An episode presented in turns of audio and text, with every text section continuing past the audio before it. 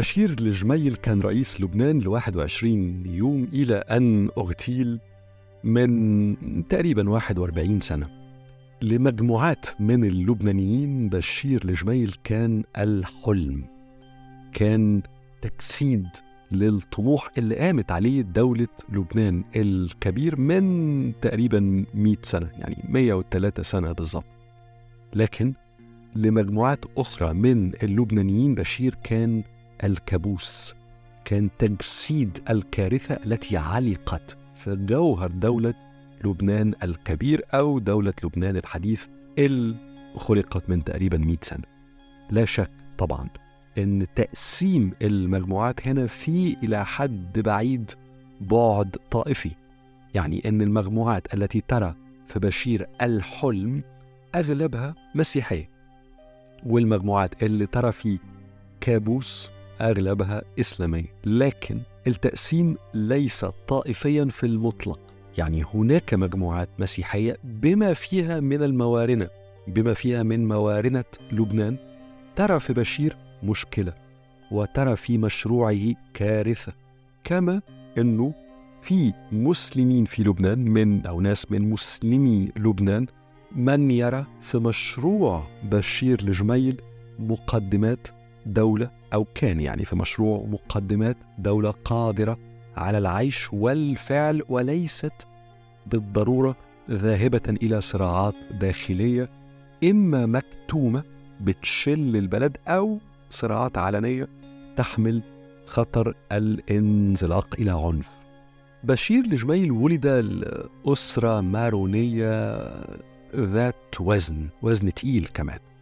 والده أبوه هو الشيخ بيير الجميل كلمة شيخ في لبنان إحنا عندنا في, أجزاء كثيرة في العالم العربي كلمة شيخ دي تروح بالعقل على طول لناحية واحد يعني واحد في authority كده في الدين الإسلامي يعني. لا في, في الشام وفي لبنان كلمة الشيخ أو الشيخ دي معناها رجل له وزن اجتماعي وغالبا مش بالضرورة كبر في السن يعني لكن من عائلة لها وزن اجتماعي ولها ثقل وأحيانا كمان في بعد تاريخي لعائلات كان لها مكانة خاصة في الدولة العثمانية. المهم يعني أنه كلمة شيخ هنا ملهاش دخل بجوانب دينية خاصة والد بشير الجميل هو الشيخ بيير الجميل. وده كان في منتصف القرن العشرين واحد من أهم السياسيين الموارنة في لبنان.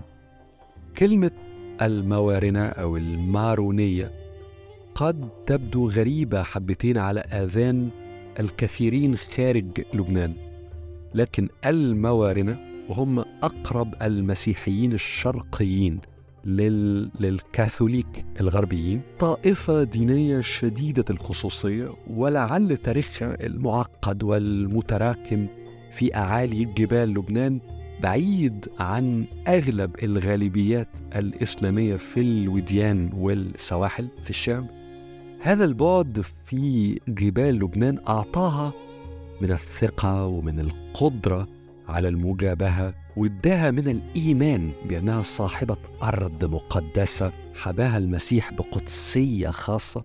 بقدر برضو ما أعطاها هذا البعد من ال... من القلق إنها طائفة محاطة بتيارات واسعة من المسلمين في كل الشام لحظة السبعينات كانت من هذه اللحظات اللي زاد فيها القلق الماروني على المستقبل والسبب إنه بعد طرد منظمة التحرير الفلسطينية من الأردن بعد الحرب ما بين المنظمة والجيش الأردني الحرب التي عرفت بأيلول الأسود سنة 1970 منظمة التحرير الفلسطينية أتت إلى لبنان بعد اتفاق عرف باتفاق القاهرة. المهم يعني كان في تفاصيل كتير بس من الآخر المنظمة التي طردت من الأردن جاءت إلى لبنان واستوطنت لبنان.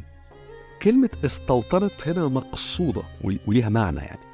لأن منظمة التحرير الفلسطينية جاءت بمجموعات بشرية مش قليلة يعني مجموعات بشرية كبيرة في الحقيقة وبأسلحة خفيفة وثقيلة وتلاقت أو تلقى المحاربون القادمون من الأردن مع مجموعات كبيرة قوي من اللاجئين الفلسطينيين اللي كانوا موجودين في لبنان منذ عقود.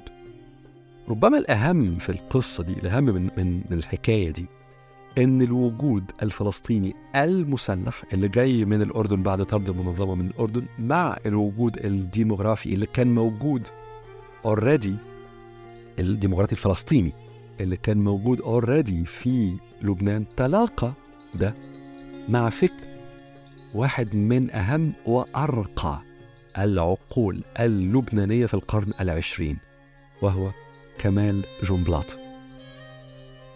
كمال جنبلاط غير كونه الزعيم الدرزي الأهم في لبنان في زمنه وفي رأيي أنا في كل القرن العشرين كان بالإضافة إلى ده فيلسوف.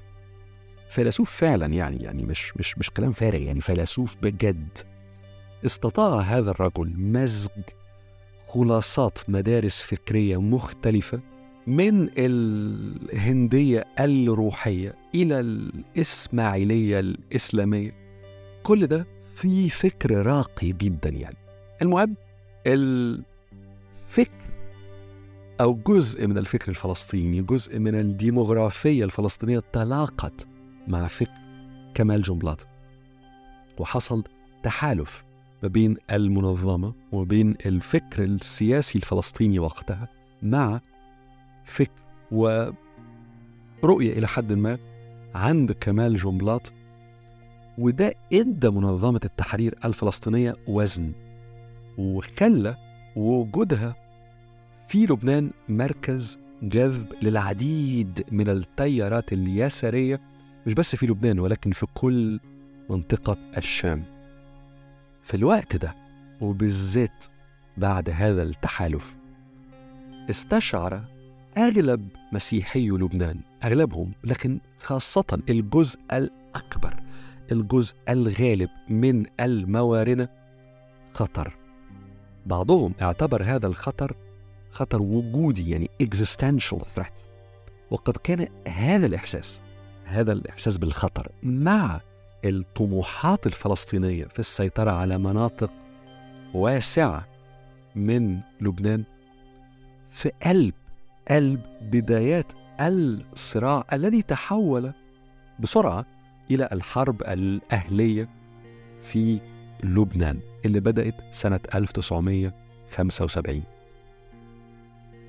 في لحظة معينة من السنوات الأولى لهذه الحرب 1976 1977 بدأ ظهر بدأ في الأفق إن كمال جنبلاط بمساعدة فلسطينية على وشك. إلحاق هزيمة تكاد تكون كبيرة فعلا. ممكن بعض الناس يقولوا هزيمة ساحقة. بالمعسكر اليميني في لبنان وفي قلب هذا المعسكر اليميني الجزء الأكبر والأهم من موارنة لبنان. لكن اللي حصل الذي حدث إن الرئيس حافظ الأسد في سوريا رفض وبشكل قاطع السماح لكمال جنبلاط بالحصول على نصر كامل.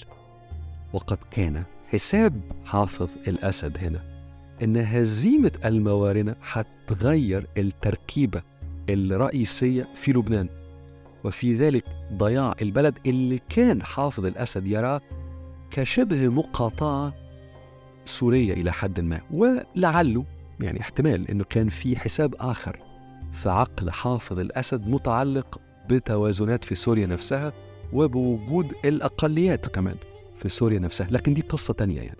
المهم إنه حافظ الأسد هو الذي منع انتصار كمال جنبلاط ووراءه المنظمات الفلسطينية طبعا على اليمين اللبناني اللي في قلبه الجزء الأكبر والغالب من موارنة لبنان.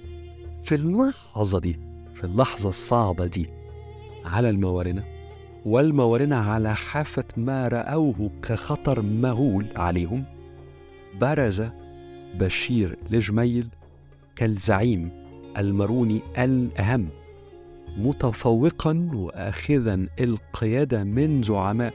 في الموارنة كانوا أكبر منه سنا بعقود وأكبر منه مقاما بكثير يعني منهم أو ربما أشهرهم كميل شمعون وهو رئيس لبناني سابق كان في زمنه في الخمسينات والستينات من أهم أهم يعني سياسي الشرق الأوسط وممكن حد يقول كمان من أكثرهم نبوغا يعني, يعني one of the most talented لا شك في فكره وقتها.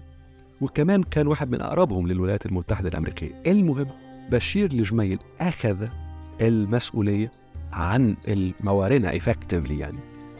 وتحدث بقى وخطب ونظم قواته وجمع فلوس مال وسلاح وسلاح من حتت كتير قوي في العالم وحارب وقتل يعني قتل كتير ربما وقد كان ممن قتلوا في هذه الفترة زعماء من المسيحيين الموارنة أنفسهم من عائلات كانت منافسة إلى حد ما إلى حد كبير كمان لبشير الجميل لكن الخطوة الأهم اللي أخذها بشير الجميل كانت الوصول إلى التحالف مع إسرائيل. هذا التحالف مع إسرائيل كان الأساس للعملية التي قام بها الجنرال الإسرائيلي الشهير جدا وبعد كده رئيس وزراء إسرائيل فيما بعد أريال شارون اللي تطورت لتصبح احتلال إسرائيل لأجزاء كبيرة من لبنان بما فيها بيروت.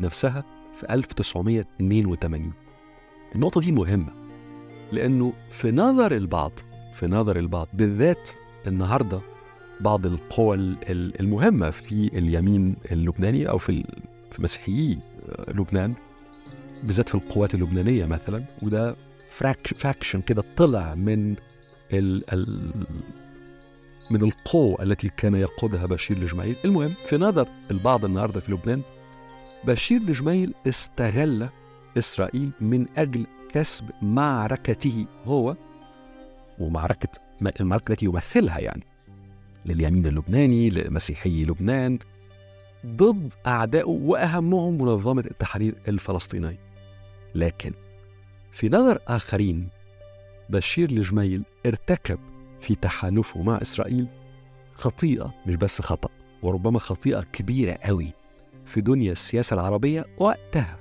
إحنا هنا بنتكلم في النصف الثاني من السبعينات. الملفت للنظر هنا إن نظرة إسرائيل نفسها يعني لبشير الجميل مليئة بالجدل. يعني في نظر جنرال إيريل شارون بشير كان صديق خاص له ولإسرائيل وكان شايف فيه إن هو قائد ممتاز وهيعمل حاجات ممتازة قوي في ناحية أخرى جوه إسرائيل نفسها عدد من ضباط الموساد المخابرات الإسرائيلية الخارجية اللي تخصصوا في لبنان نظروا ولغاية دلوقتي في كتاباتهم وفي اللي بيقولوه بينظروا لبشير على إنه مجرد عميل. ورأيهم أو على الأقل بعضهم له آراء قاسية جدا في أخلاقه وفي شخصيته كمان. بشير اغتيل بعد أن أمنت له إسرائيل انتخابه كرئيس للبنان. برضه سنة 1982 قضي على مشروعه. وإحنا ما نعرفش كيف كان هيحكم إذا قدر له أنه يعيش ويبقى يستمر يعني ويبقى عنده عهد كرئيس للبنان. في مؤشرات جادة بتقول أو بتشير أن بشير رأى كان شايف أنه قادر على إخراج لبنان من دوامات الدم والدوران في نفس المكان وأنه كان على قناعة بأنه قادر على تطوير الفكر الماروني ليقبل بلبنان أبعد من المارونية السياسية الضيقة. كما أنه غالبا يعني أنه تصور نفسه قادر إلى أو على الوصول إلى اتفاقات قابلة أن هي تعيش وتستمر مع الطوائف الإسلامية آه، في لبنان ومع الدول العربية كلها مش بس مع الطوائف الإسلامية جوه لبنان وفي مؤشرات على أنه ده كان ممكن يعني يعني في ال... مش بس في الثلاث أسابيع اللي هو كان فيهم رئيس جمهورية لكن حتى في الفترة اللي قبليها في مؤشرات إن هو فعلا كان ممكن قوي إنه يصل إلى اتفاقات قابلة إن هي تكمل والقابله للحياة يعني مع مش بس الطوائف الإسلامية داخل لبنان ولكن مع الدول العربية الثقيله العربية المؤثرة في الشأن العربي. المهم اللي حصل أن الرجل قتل. وفي رأي برضو البعض إن دماؤه كانت ثمنا لدماء أخرى كثيرة سفكت. بينما في نظر آخرين موته كان شهادة من أجل مشروع يراه كثيرون من الموارنة إنه هو جوهر معنى لبنان. هنا في condemnation قوي. في إدانة كبيرة قوي أحيانا لبشير الجميل ومشروعه وأحيانا في سانتيفيكيشن كده تصويره على إنه أعظم شيء في الوجود. لكن ما بين الناحيتين يبقى إن فهم تجربة بشير الجميل ضرورية لفهم لفهم المشروع اللبناني نفسه لفهم التجربة اللبنانية نفسها في المئة سنة اللي فاتت منذ إنشاء الدولة لفهم المشكلة اللبنانية الموجودة في المئة سنة دول. مش بس فهمها في جوانبها السياسية المختلفة لكن أيضا في أعماقها يعني في أعماق التجربة اللبنانية. أولا لأن الأحلام والكوابيس في التجربة دي بترسم لوحة فيها الكثير والكثير من الجمال بقدر ما فيها الكثير من الرعب. لكن بالإضافة لده إنه أي حد بيفكر في السياسة في العالم العربي في السياسة في الشرق الأوسط لابد له من محاولة فهم لبنان لأنه وجوده في حد ذاته في غاية الأهمية والدور اللي لعبه تاريخيا كمسرح أحيانا لصراعات في غاية الأهمية. بالإضافة إلى أنه السياسة اللبنانية نفسها مثيرة جدا للاهتمام لأي حد مهتم بفكرة السياسة في حد ذاتها سواء داخل العالم العربي أو خارجه. عشان كل ده عشان كل ده تجربة بشير الجميل مثيرة جدا للاهتمام لأي حد غاوي تاريخ غاوي اجتماع غاوي السياسة حول أو في العالم العربي.